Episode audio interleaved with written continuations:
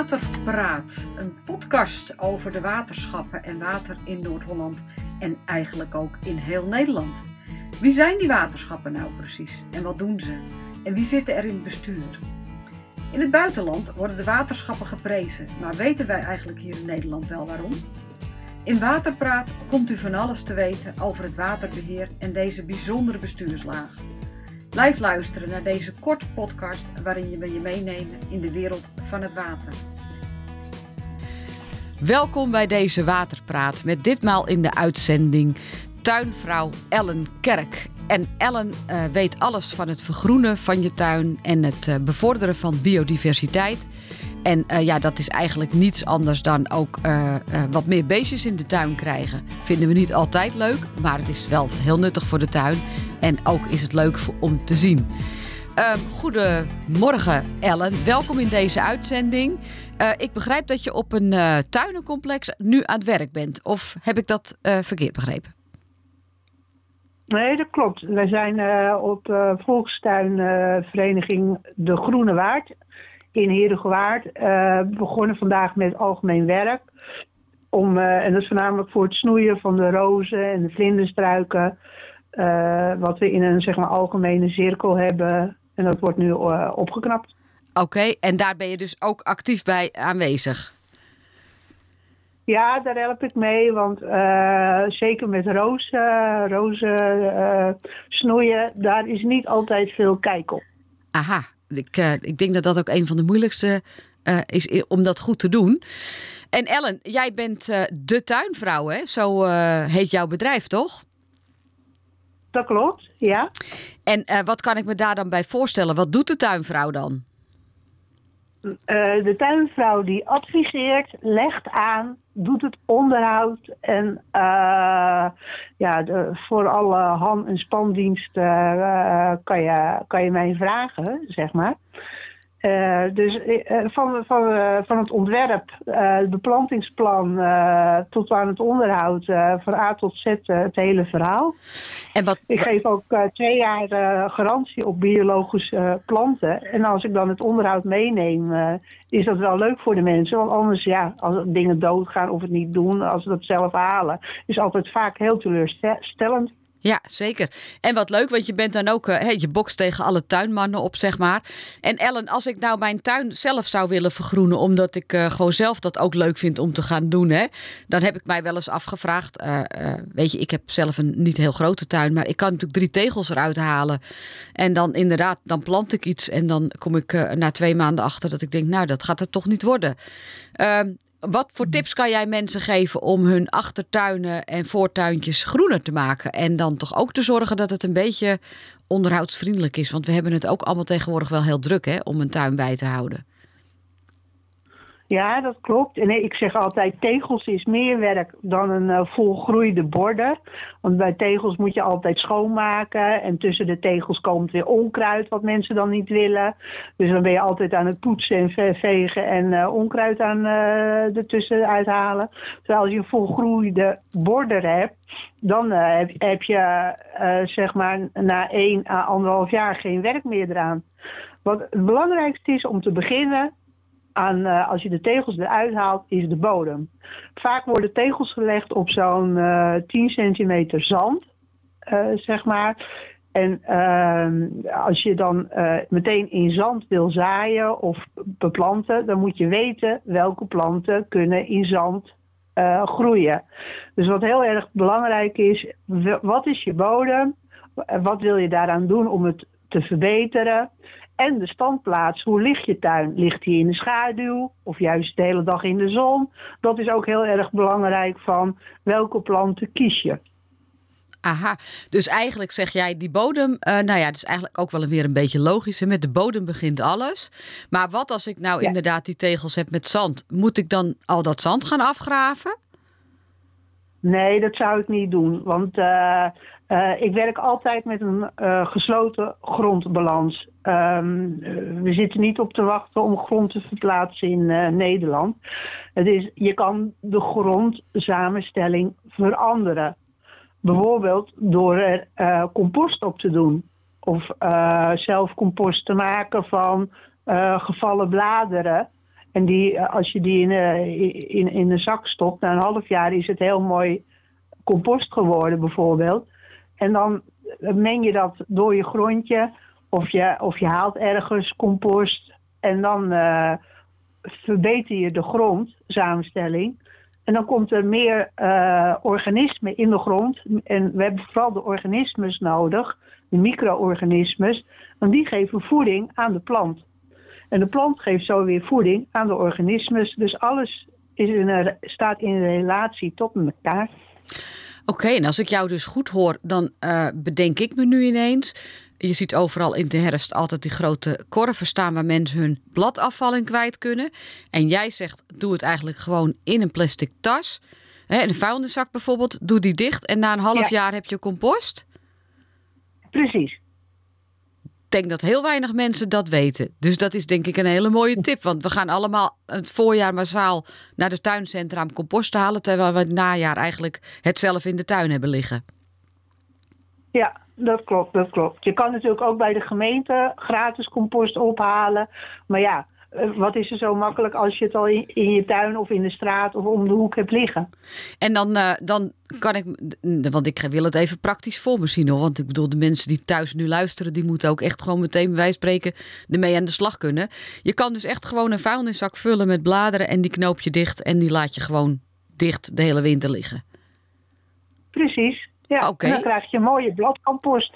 Nou, dat is een geweldige tip. Dat, uh, die heb ik nog nooit eerder gehoord. Uh, en misschien echte tuinliefhebbers wel, maar uh, ik, ben, ik heb ook maar een kleine tuin. Dus ik wist deze niet. Um, en nou zeg jij dus ook inderdaad dat micro-organismen heel belangrijk. Maar andere insecten in de tuin zijn ook heel belangrijk, heb ik begrepen. Ik heb zelf vind ik het altijd heel mooi als je vlinders in de tuin hebt. Um, en jij bent nu ook vlinderstruiken aan het snoeien alvast voor het, uh, voor het nieuwe jaar, hoorde ik net je vertellen. Wat kan ik nog meer doen om, wat, uh, om die biodiversiteit een handje te helpen?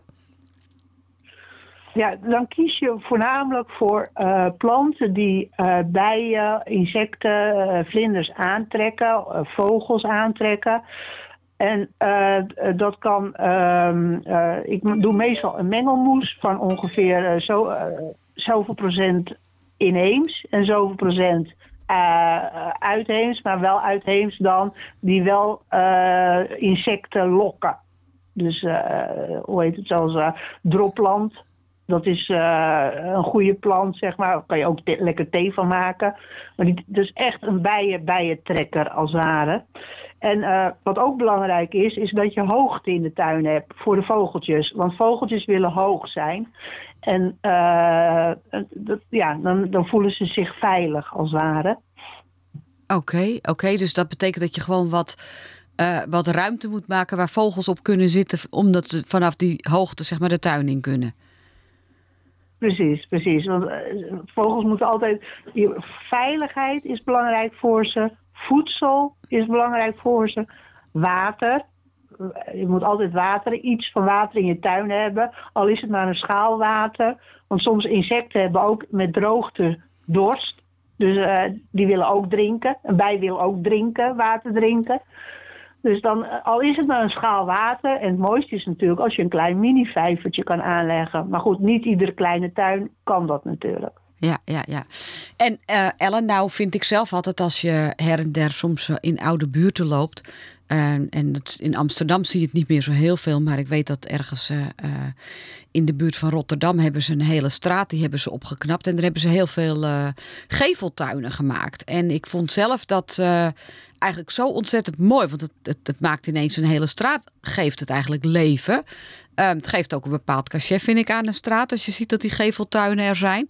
Kan je zomaar in iedere, uh, nou ja, in ieder, iedere gemeente in Noord-Holland een geveltuin aanleggen. Weet jij hoe dat, uh, hoe dat werkt?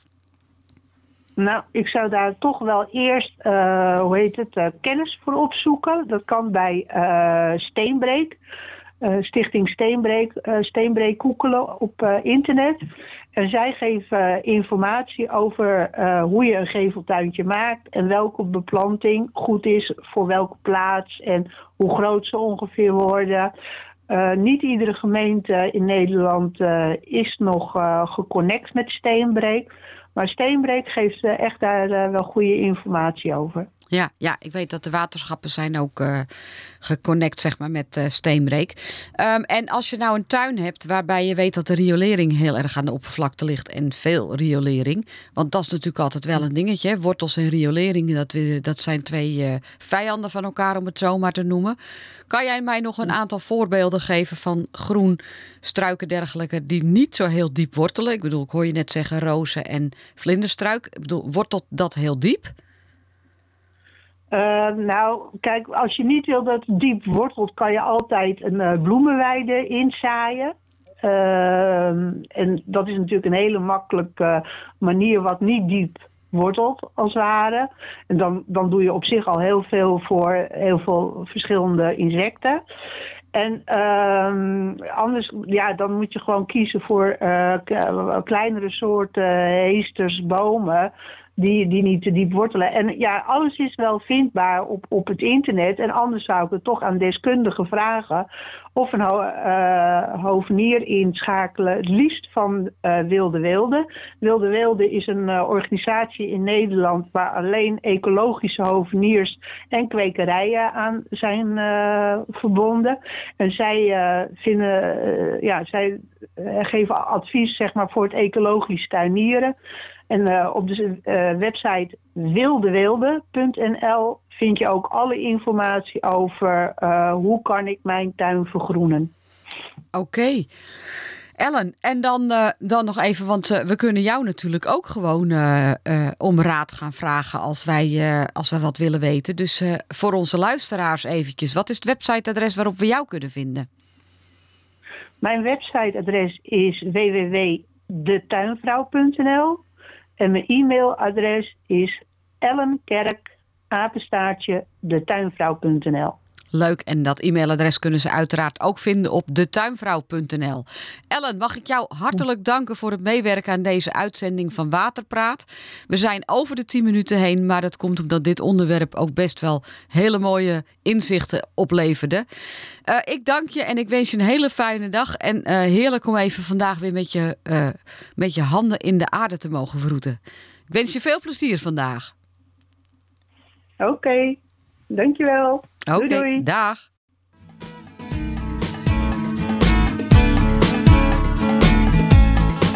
Heb je een specifieke vraag? Stuur hem dan in via waterpraat.nl. We gaan zoeken naar een antwoord.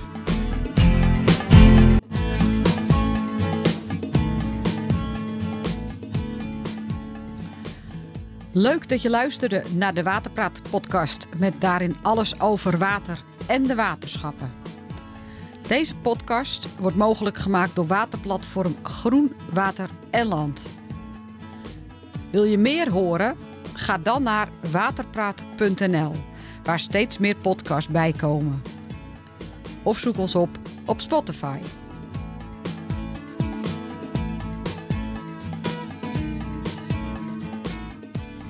Ik wens alle luisteraars een hele mooie dag en maak er een mooie week van. Tot ziens!